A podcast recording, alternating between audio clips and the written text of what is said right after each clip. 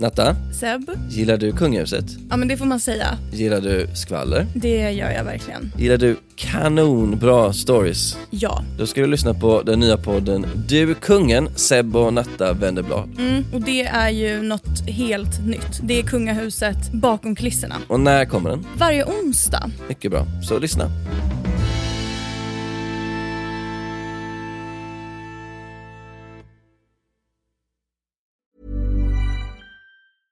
Hey, I'm Ryan Reynolds. Recently, I asked Mint Mobile's legal team if big wireless companies are allowed to raise prices due to inflation. They said yes. And then when I asked if raising prices technically violates those onerous two year contracts, they said, What the f are you talking about, you insane Hollywood ass?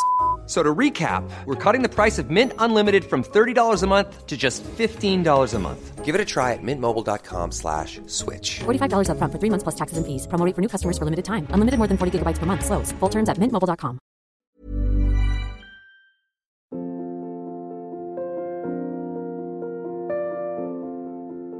Hallå, hallå, kära lyssnare. Välkomna till Lätta ditt hjärta med mig, Elin Samuelsson, journalist på Allermedia och Helena Kubicek Boye, psykolog. Hej! Hallå där. Hallå!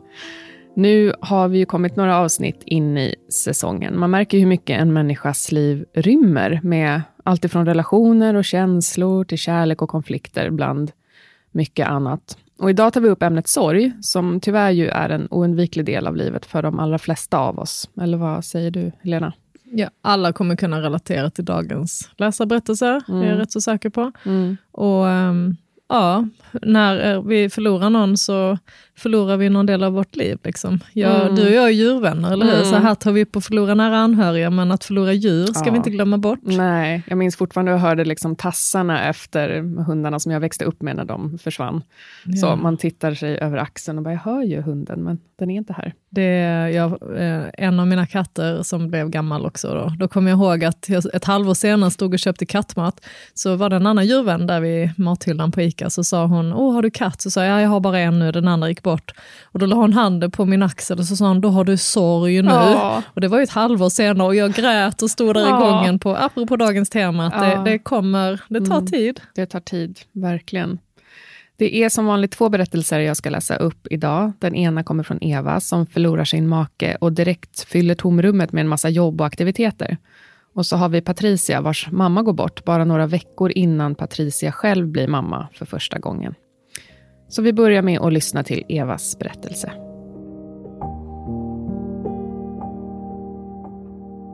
Jag hade tänkt gå en lång promenad med min hund Tösen den dagen. Under allt för lång tid hade hon fått nöja sig med korta promenader och ibland släppte jag bara ut henne i trädgården. Jag hade så dåligt samvete, men nu planerade jag att gottgöra henne lite. Vi skulle gå en rejäl tur i skogen. Men så vaknade vi upp till hällregn. Kallt var det också. Jag bryggde kaffe och klappade tösen medan jag missmodigt tittade ut genom fönstret. Då kom de plötsligt. Tårarna. De bara rann ner för mina kinder. Det hade nästan gått ett halvår sedan jag blev änka. På ett sätt kändes det som om det var igår. På ett annat som hundra år sedan. Det hade hänt så ofattbart mycket under det halvåret. Det var som om jag tagit revansch för det sjukdomsförlopp som föregick Rickards död. Livet var satt på standby i tre år. Från det att han först fått diagnosen cancer tills det att han gick bort. Han var sjuk och behövde min hjälp. Vi hade alltid levt ett aktivt liv, men något gick sönder inom honom. Sjukdomen knäckte honom som människa, långt innan han sattes ur spel rent fysiskt. Han klarade inte av att se sig som patient. Det ödelade den bild han hade av sig själv som den starke mannen som fixade allt. Han började kalla sig själv för en vekling samtidigt som han drog sig undan från andra. Han isolerade sig själv och oss. Gudskelov hade jag mitt arbete, annars tror jag inte att jag hade klarat det. Mitt jobb och mina gulliga kollegor blev min livlina under de åren, ända tills jag de sista hårda månaderna fram till Rickards död var ledig för vård av närstående. När Rickard dog var det på sätt och vis som om jag släpptes fri efter en lång fängelsevistelse. Det var även en lättnad, nästan som om jag andades ut. Rickard begravdes en fredag och redan på måndagen var jag tillbaka på jobbet. Min chef hade annars sagt att det inte var något problem om jag ville vara ledig några veckor. Men jag svarade att jag behövde vara ute bland folk och komma igång igen. Jag märkte förvisso att några av kollegorna tyckte att det var lite konstigt att jag var tillbaka så snabbt. Men när jag berättade om de sista tuffa månaderna med min döende man så kunde alla förstå varför jag gärna ville tillbaka till jobbet med en gång. Jag behövde sällskap och jag behövde vardag. Jag kunde naturligtvis inte få tillbaka den vardag som jag tidigare hade haft med Rickard. Han kom inte längre hem sent på eftermiddagen samtidigt med mig. Han var inte där för att gå ut med tösen och han satt inte längre på platsen mitt emot mig vid matbordet. Det fanns ingen att gå och småsnacka med om dagens begivenheter medan jag röjde upp i köket och satte på kvällskaffet. Ingen att titta på tv med och ingen att säga godnatt till. Det kändes konstigt och jag gillade det inte. Det var som om ensamheten stod och lurade runt hörnet och när som helst kunde överfalla mig om jag inte gjorde något för att undgå den. Jag började gå på gymnastik om måndagarna och spela bridge på tisdagarna. Där träffade jag två andra kvinnor i min ålder som också levde ensamma och vi startade en middagsklubb där vi sågs en gång i veckan över en bit mat som vi turades om att fixa. Man hör ofta talas om att vänkretsen kan ta ett steg tillbaka när folk inte längre är en del av ett par. Men det gällde inte våra vänner. Under de sista tre åren av Rickards liv hade vi inte träffat så många, så jag blev glatt överraskad när jag upptäckte att de gärna ville ha in mig i sin krets igen. Alla stod med öppna armar, bjöd in och frågade om jag ville följa med på allt möjligt. Snart var jag på shoppingresa i Tyskland med Anna och Hans och på kortkväll hos Magnus och Karina. Så var det silverbröllopsfirande hos grannarna, kvartersfest på gatan och biokväll med kollegorna. Jag sa ja till allt som jag blev inbjuden till och jag gladdes åt vartenda arrangemang, varenda fest och varje gemenskap. Ända tills en regniga dag när jag inte kom ut på långpromenaden med tösen och jag istället började gråta. Jag stod där vid fönstret i vardagsrummet och betraktade de tunga regnmolnen och den mörka himlen när sorgen plötsligt sköljde över mig. De första tårarna förvirrade mig. Var kom de ifrån? Vad var det här nu då? Jag som hade det så bra. Saknaden efter Rickard, förlusten av honom och sorgen över hans död bara välde över mig. Det var som om jag i ett halvårs tid hade bedövat mig med människor och aktiviteter för att undgå smärtan. Men nu hade bedövningen slutat verka och jag kunde inte längre trycka undan smärtan eller fly ifrån den. Min älskade man sedan 27 år var död. Vi hade inte kunnat få barn och ville inte adoptera, så det hade alltid bara varit han och jag. Vi hade haft det fint och varit varandras bästa vänner under alla dessa år. Nu var han borta för alltid och insikten träffade mig som ett slag i magen. Det var som om det först nu gick upp för mig att han var borta. Jag tror inte att jag riktigt hade förstått det tidigare och inte hade jag försökt heller. Jag hade flytt undan smärtan, för den var så outhärdlig. Men nu orkade jag inte springa mer. Plötsligt kände jag mig helt utmattad av alla mina ansträngningar att hålla sorgen på avstånd. Jag kastade mig i sängen och kröp gråtande ihop under täcket. Hela det senaste halvårets undanträngda känslor vällde upp inom mig och jag låg länge och hulkade innan jag somnade av utmattning.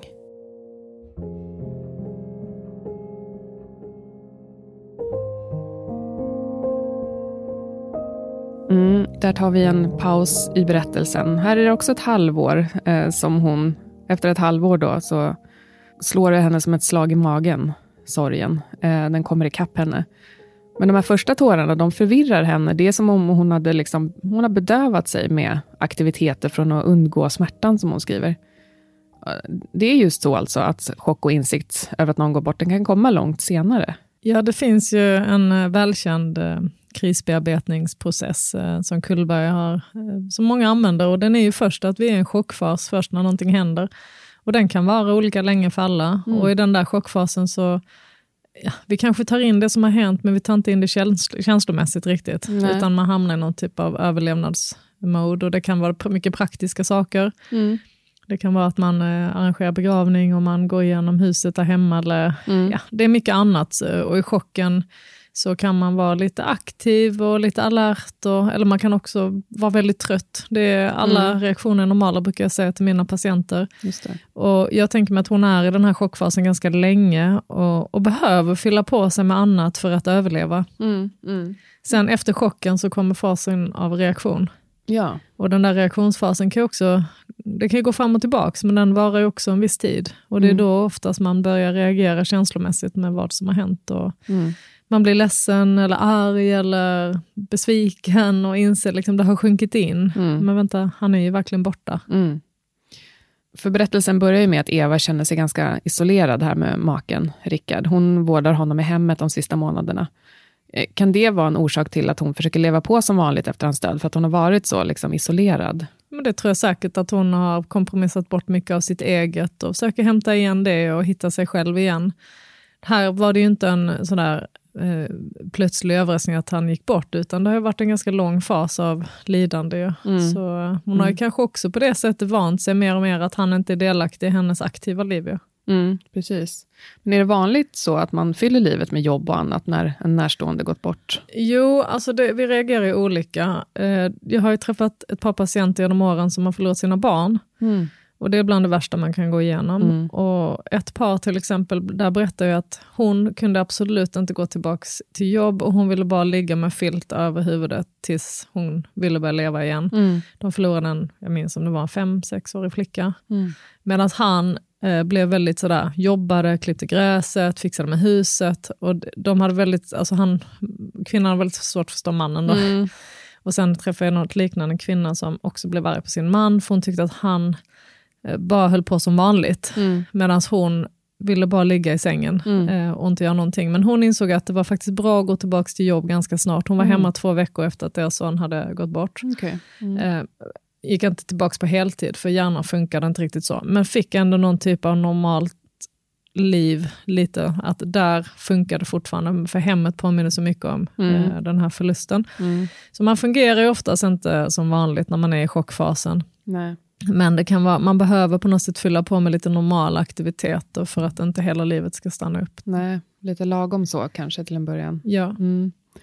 När Rickard går bort här så beskriver Eva det nästan som en lättnad. Det låter ju ganska krasst, liksom, men det kanske inte är en helt ovanlig känsla när en närstående varit sjuk länge. Ja, det kan nog de relatera till som har haft nära vård i hemmet av, av alltså folk som är nära döden och så. Mm. Ehm, så att eh, man känner att lidandet tar slut och, och döden kan komma som en befrielse. Liksom. Mm. Att nu är kampen över. För det är jobbigt att vara i det här kamptillståndet och kämpa mot döden och kämpa mot sjukdomar och så. Mm, mm, Det tar mycket, mycket kraft. mm. Men, och som vi var inne på här, eh, hennes arbetsgivare föreslår ju några veckor ledigt efter begravningen. Och, och det kanske kan vara en god idé, men vad tycker du att man ska göra med den tiden? Ja, alltså jag träffade någon som hade hamnat i det och det blev, alltså första veckan hade alla av sig och, så här, och hur det gått. Sen blev det ganska tyst och Mm. tomt. Och det kan jag säga till alla er som har någon i er närhet som har förlorat någon, att fortsätt fråga även efter en månad, efter sex månader, efter ett år. Hur är det? Hur har du det? För Just att det. eh, första tiden då är det mycket engagemang och folk hade kommit till henne med liksom mat och hjälpt och sådär. Men sen blev det tyst och Mm. tomt. Så den där första tiden kan man ju behöva bara liksom omsorg och vara med nära och anhöriga. Men sen tror jag att man på något sätt ska försöka hitta sina rutiner igen, som jag berättade om. Kanske gå några timmar per dag till jobbet eller några dagar i veckan. För annars blir det väldigt mycket tid till tankar och ensamhet. Mm, just det. Och vad ska man göra med tiden? Ja, i den där första chockfasen, ibland behöver man bara sova och vila, Mm. för kroppen kan vara helt slut. Mm. Eh, Men sen eh, ja, stillsamma saker och eh, så vad man orkar helt enkelt. Mm. Mm. Många minns inte heller den här tiden av chock. Alltså när man tittar tillbaka så minns de inte hur det var precis tiden efter någon hade Nej. gått bort. Man är liksom lever så mycket i en överlevnadstillstånd på något sätt. Ja, det kan man förstå. Sen när han har gått bort då, eh, så skriver Eva att ensamheten står och lurar bakom hörnet och hon gör allt för att hålla den borta. Hur hanterar man bäst ett sånt tomrum som blir efter en partner som försvinner? Tyvärr finns det en del som hanterar det på sätt eh, som kanske inte är så bra ibland. Alltså det kan vara alkohol, det kan vara andra flyktbeteenden. Liksom. Ja, egentligen är det så, det, vi kan inte fly från den här situationen och känslorna. Eh, Det var någon munk tror jag som sa någon gång att eh, just boil with a feeling like an egg.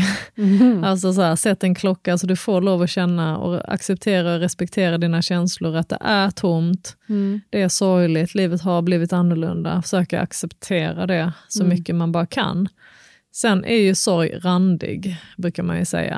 Att man kan gå in och ut ur sorgen och man kan göra det lite medvetet. Det kan vara så en dag så känner man jättemycket sorg, nästa dag känns faktiskt allting lite bättre. Och när vi förklarar sorg för barn så brukar det vara så här att vi kan prata om den som randig med dem. Ibland kommer det vissa, ibland är det svarta dagar och det känns väldigt ledsamt och ibland så blir det bra dagar, det blir det vitt. liksom, barn kan ju vara så prata om någonting de har förlorat eller något som är jättejobbigt eller smärtsamt och sen bara, kan vi äta glass nu? just och det. Bara, ja men eh, okej, nu? ja, men nu, har vi, nu har vi gått ur det. Ja. Så är det för oss vuxna också. Eh, att, eh, så det här tomrummet, det är okej att det får vara så ibland, men om det känns så hela tiden, varje dag, dygnet runt i en längre period, tycker jag man ska söka någon att prata med. Då kanske man behöver saker man behöver bearbeta mer. Mm. Och sen de här vita dagarna då, när allt känns kanske jättebra. Eh, kan det ligga att man får lite skuld i de känslorna då? Ja, det var ju en som hade förlorat sin fru och han sa till mig så att ja, alla säger så, åh då har du sorg, då mår du dåligt. Så sa han så, alltså jag har ju alltid sorg, men jag mår inte alltid dåligt. Nej, att man det. kan också tänka så att jag bär på den här sorgen, för den kommer, liksom, Mm. den kommer du aldrig bli av med, den får man lära sig att leva med. Men man kan, behöver inte må dåligt för att man har sorgen. Nej. Och det var det han hade liksom försökt kommunicera ut, liksom, att Mm. han hade också bra dagar, men han hade fortfarande sorgen och tomheten. Mm. Det ena behöver inte utesluta det andra.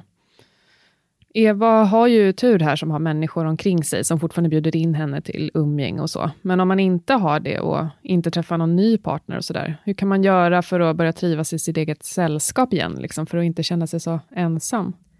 Ibland när jag pratar med människor om hur ska man hitta sina intressen eller sig själv, så kan man ibland backa till hur var jag när jag var tonåring i 20-årsåldern? Man ska inte gå tillbaka dit, men vad hade jag för intressen och drömmar och eh, vad tyckte jag om då? För jag vet ju någon som börjat så här, åka konståkning, vet, som bara, men det älskade jag då. Och sen när hon är nu äldre så har hon gått med i en sån grupp. Liksom, att Vi kan ju också ha förlorat eh, oss själva alla de här åren vi har levt väldigt tajt med en annan partner, och så börja hitta sig själv igen och börja trivas i sitt eget sällskap. Jag vet ju en del som har blivit änkor, jag vet inte änkemän, men änkor, de, till slut så byter de ut sängen, de ligger inte i en jättestor säng som hälften är tom. Just det. Att inte ha de här dagliga påminnelserna om att man, eh, en del flyttar, en del eh, gör det, men det får ta tid. Men man gör lite små förändringar stegvis för att, eh, för att kunna ha ett mer liv som är utifrån hur det är nu. Och använd vänner såklart, alltså prata med vänner och folk. Ja. Just det. Och innan vi pausade berättelsen här så låg ju Eva då och hulkade i sängen och somnade av utmattning, så vi lyssnar vidare.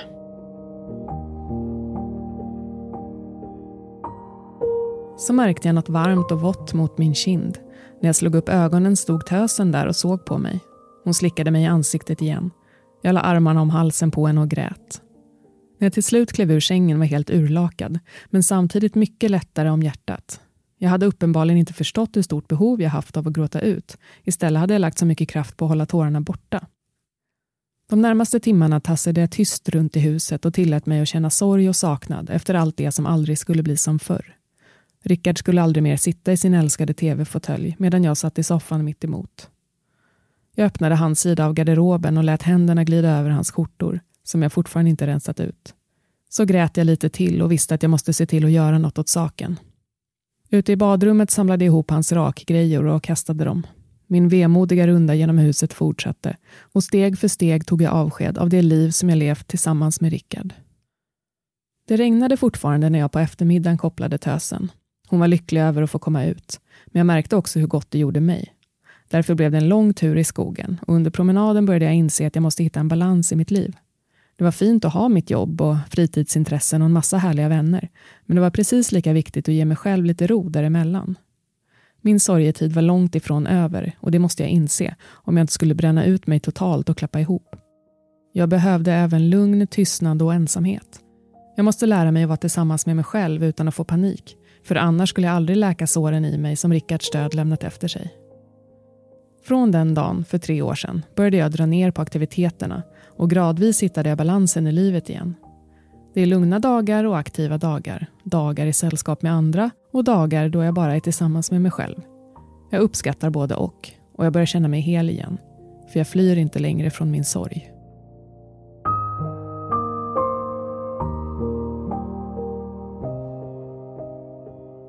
Ja, hon inser vilket stort behov hon, hon har haft av att gråta ut ordentligt.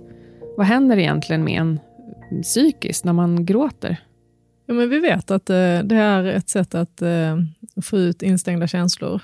Så det är bra att gråta, Elin. Alltså Man behöver gråta och eh, många av oss är inte bra på det, eller man vill inte släppa fram, man håller inne, man tror att det är det bästa sättet. Men det är efteråt, efter en gråt så frigörs också lugnande hormoner, så att ofta känner man en lättnad och ett lugn efter att man har gråtit.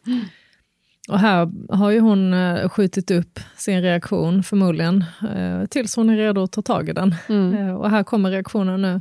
Så tänker jag också att människan är väldigt alltså, funktionell, inriktad på överlevnad. Första tiden, här chocken, så bara skapar hon liksom massa nya band för att kunna hålla sig flytande. Mm, mm. Sen plötsligt så inser hon att hon kan inte skjuta bort det här och då kommer reaktionen. Men då är hon på en kanske tryggare plats. Mm. Hon har ett nätverk runt sig, hon har ett aktivt liv. Och, eh, så det är bra att hon börjar gråta sen. Och det är det här lite som jag sa i början med att det kan ta sex månader.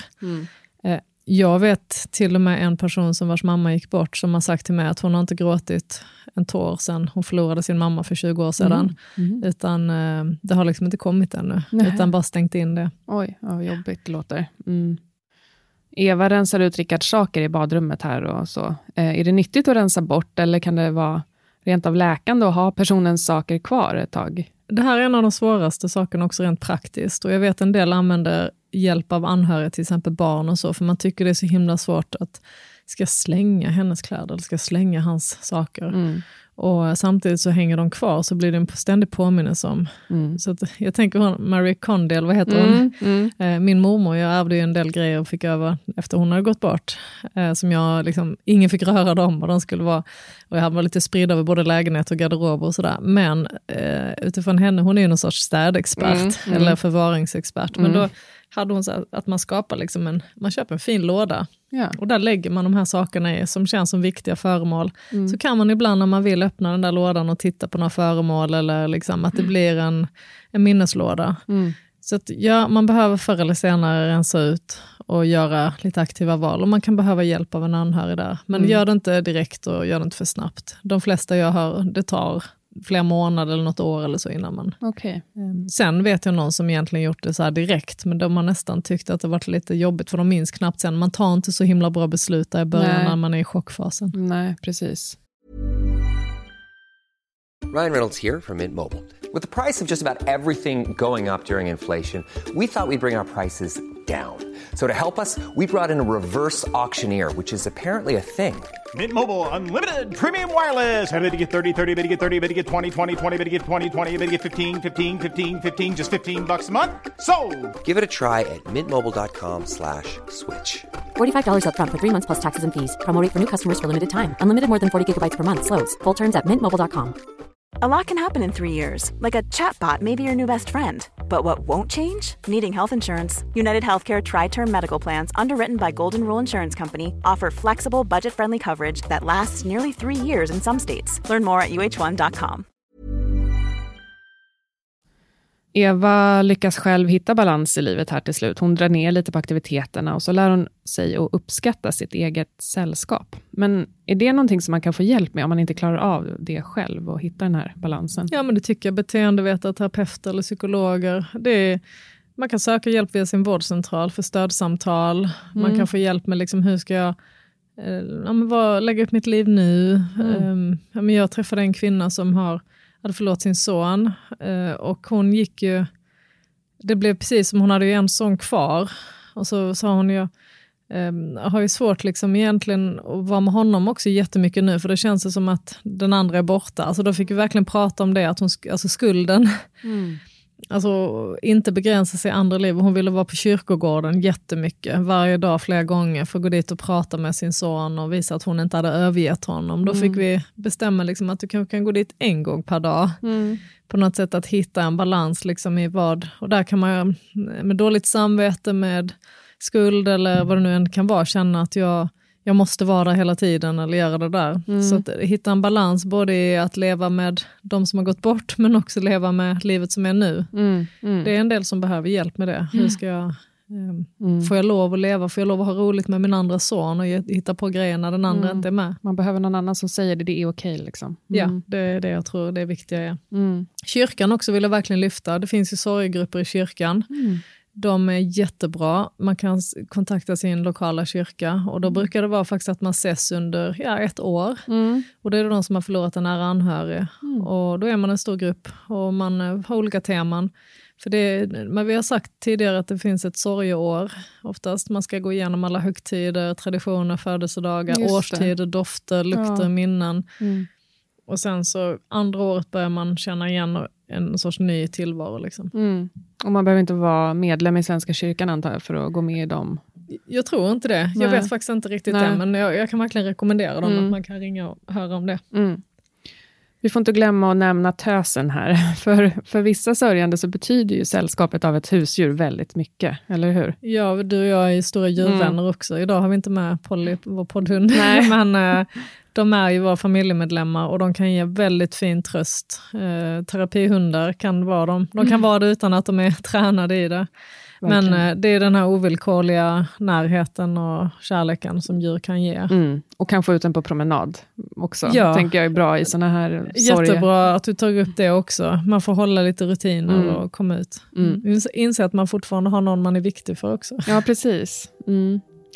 Ja, fint. Vi lyssnar på nästa berättelse här från Patricia. Och jag ska säga det att eh, namnen är utbytta och berättelserna är anonyma.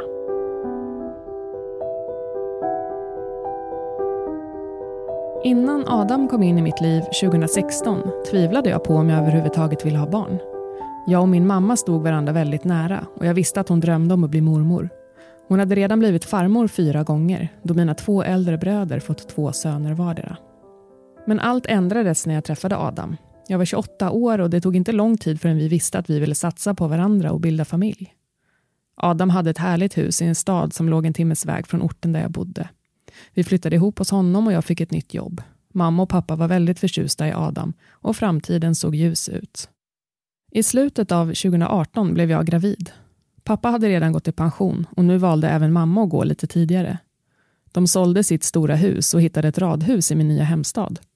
Nu skulle ju mamma äntligen bli mormor och hon ville gärna bo nära sitt femte barnbarn. Adam och jag hjälpte naturligtvis till med flytten och det gjorde även mina bröder och deras fruar, även om de hade en bit att köra.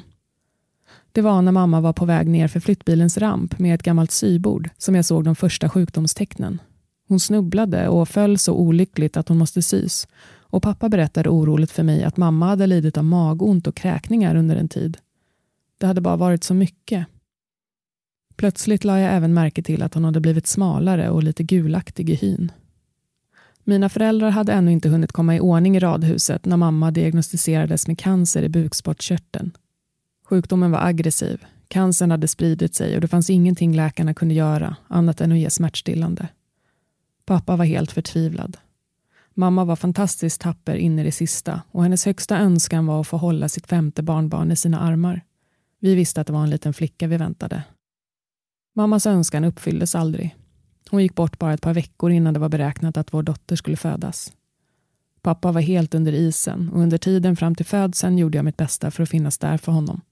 Det var mycket med det praktiska som måste klaras av och han behövde mig. Jag var själv förvånad över hur jag hade krafter till allt, men det hade jag. När jag gått fem dagar över tiden fick jag verkar. Förlossningen gick bra och vår lilla dotter var en frisk och helt perfekt liten flicka. Men tre dagar senare rasade allt för mig. Allt kom ikapp och sorgen träffade mig med full kraft. Min älskade mamma var borta och jag skulle aldrig kunna fråga henne till råd som saker som en röd stjärt eller smärta vid tandsprickning. Och vi skulle aldrig sitta i timmar tillsammans och bara iaktta min lilla flicka för att enas om att hon var världens underverk.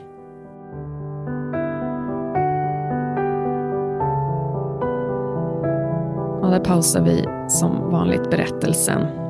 Vilken sorg att förlora sin mamma precis innan ens barn föds. Verkligen. Alltså så sorgligt och vilken besvikelse och de hade sett fram emot det här. Och... Mm. Men det är inte helt ovanligt. Jag hade en bekant också, hans pappa dog samma natt eh, som hans första barn föddes. Mm. Och han visste inte ens att han hade gått bort, eh, utan det var ju bara plötsligt i sömnen. Så Oj. han fick ju, skulle ringa och meddela att vi har fått barn i natt och så svarade inte han. Så. Till slut ringde de dit polisen och då låg han död i lägenheten. Och det är ju det här med själavandring förr i tiden sa man liksom. Precis. Mm. Ja, fruktansvärt. Patricias pappa här är förkrossad såklart när hans fru dör. Och Patricia finns där för att stötta honom. Hon är ju höggravid då.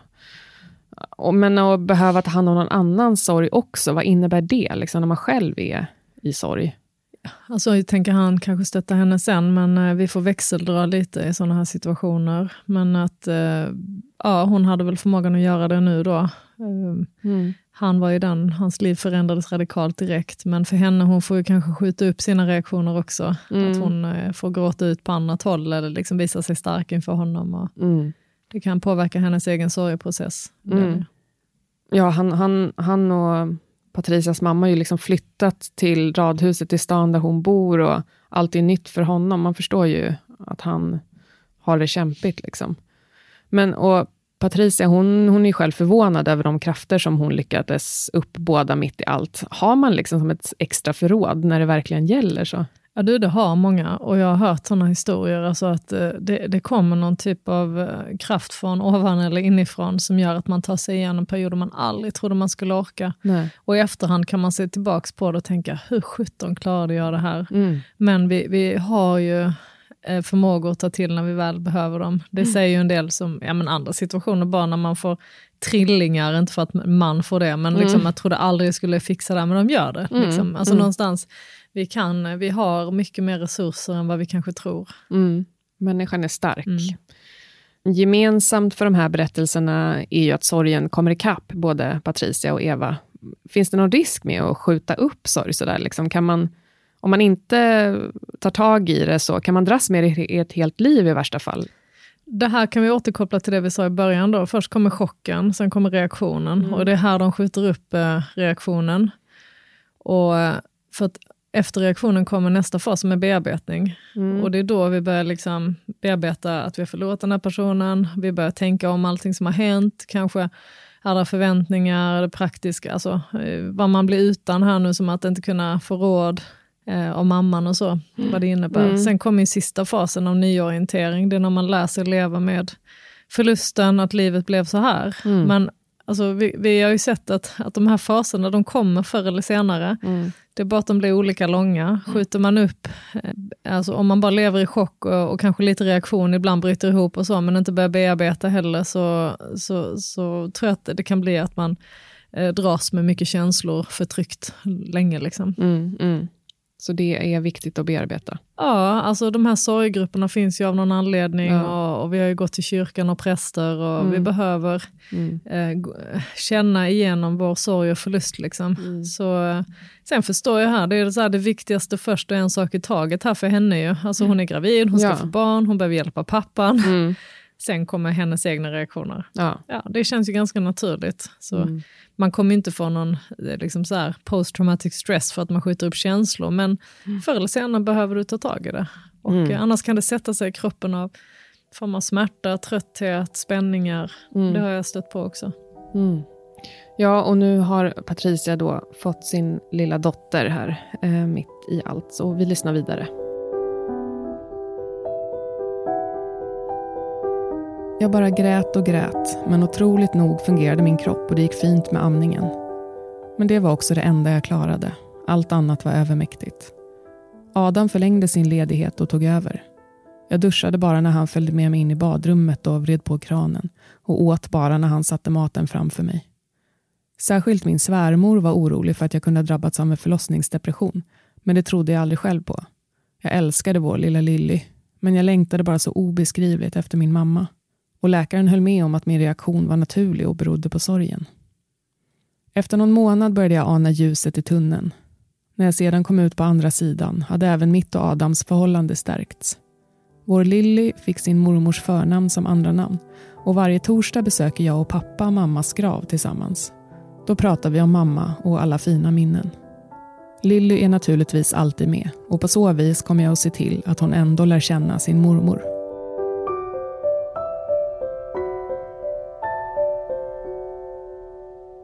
Mm. Amma är det enda Patricia orkar här. Allt annat är övermäktigt. Det är kanske inte för inte som det finns ett uttryck som heter sorgen är förlamande. Det kan liksom sätta sig fysiskt. Så. Jag nämnde ju det lite innan avslutet här, att eh, smärtor, huvudvärk, trötthet, spänningar, värk i kroppen. Vi kallar det för somatisering. När ångest och, och känslor sätter sig i kroppen istället för att man har inte bearbetat dem eh, kognitivt eller känslomässigt så Nej. blir det som att man blir eh, Ja, det finns ju de som säger att de har gått till medium och liknande, eller healer som har liksom lyft av dem sorgen. Och det är det på något sätt genom beröringar, genom att aktivera kroppen, så har man liksom på något sätt lyft av en stor, stor tyngd, för det blir tungt att bära på för kroppen. Ehm, läkaren säger att hennes reaktion är naturlig och berodde på sorgen. Då. Det är ju är väl skönt att höra någon säga så, att ens reaktion är normal. Liksom. För att sorg kan väl uttrycka sig på vitt skilda sätt. Är det något jag har lärt mig som psykolog, det är liksom att alla reaktioner är normala eh, vid en sorg och en stor förlust.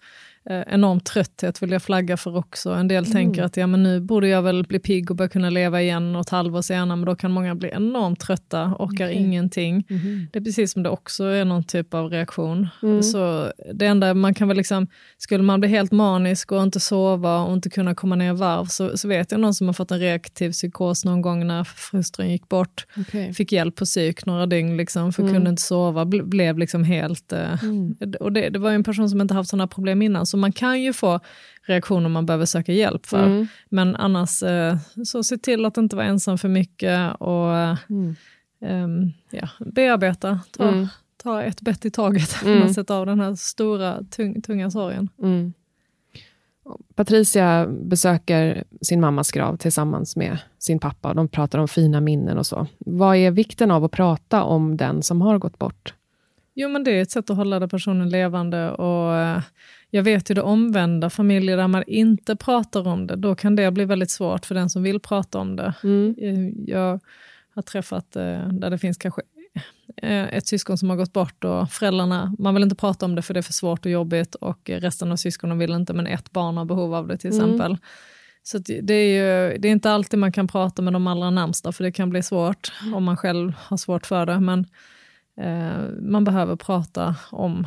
Mm. Det är också sätt att börja bearbeta och komma till den slutfasen som är nyorientering. Mm. Där man kanske kan ha en bild på väggen av den personen som gått bort och tända ett ljus ibland och le och, mm. och, och, och liksom vara med minnena. Men jag vet ju till exempel en väninna till mig, hon har ju, kunde inte under de första åren gå till sin mammas grav. Mm. För att det blev så definitivt att mamman var borta. Mm. Hon kunde liksom inte ta in det, att det var att hon låg på en kyrkogård. Nej. Utan hon stängde av helt och fick mycket eh, fysiska besvär istället. Okay. Men kan nu gå till kyrkogården och har liksom tagit hjälp och börjat liksom, eh, acceptera att mamman inte lever längre. Mm. Patricia tar alltid med sin dotter Lilly till, eh, grav, till graven där. Är det bra att barn, som vi var inne på, får en relation till döden i tidig ålder? Ja, förr i tiden så tog man inte med barn till begravningar och liknande. Och det är lite olika nu för tiden också. Men jag vet ju till exempel, jag har haft vuxna patienter vars föräldrar dött tidigt och de fick aldrig vara med på begravningen och fick aldrig ta farväl för man tyckte inte det var lämpligt, även om de var i så här tioårsåldern mm. eller 8, 9, 10. Och det blir på något sätt väldigt svårt för dem. De behöver också få förklaringar mm. och förstå. Mm. Och ett avslut. Ja. Mm. Jag kommer ihåg vi sa lite dumt till min yngsta dotter när farfar hade gått bort att nu är farfar uppe i himlen på morgonen eller något sånt där. Ja. Sen när vi flög några, något år senare så satt hon och tittade ut jättemycket från flygplansfönstret och sa vad tittar du efter? Ja, men jag tittar om jag ser farfar. Jag bara, men han är väl inte här? Jo, han är på månen. Och hon var ju bara två, tre år gammal. Ja. Så tänkte jag att det där var ju liksom både bra och dåligt, att ja. hitta på saker. Ja, precis. Verkligen. Ja, ett eh, stort ämne idag, men eh, fint att prata om och jag hoppas att du som lyssnat också har fått eh, någonting med dig av det här avsnittet. Och gå gärna in på vår hemsida allas.se om du vill läsa fler läsarberättelser. Vi hörs igen nästa vecka. Hej då! Hej då, ha det så bra.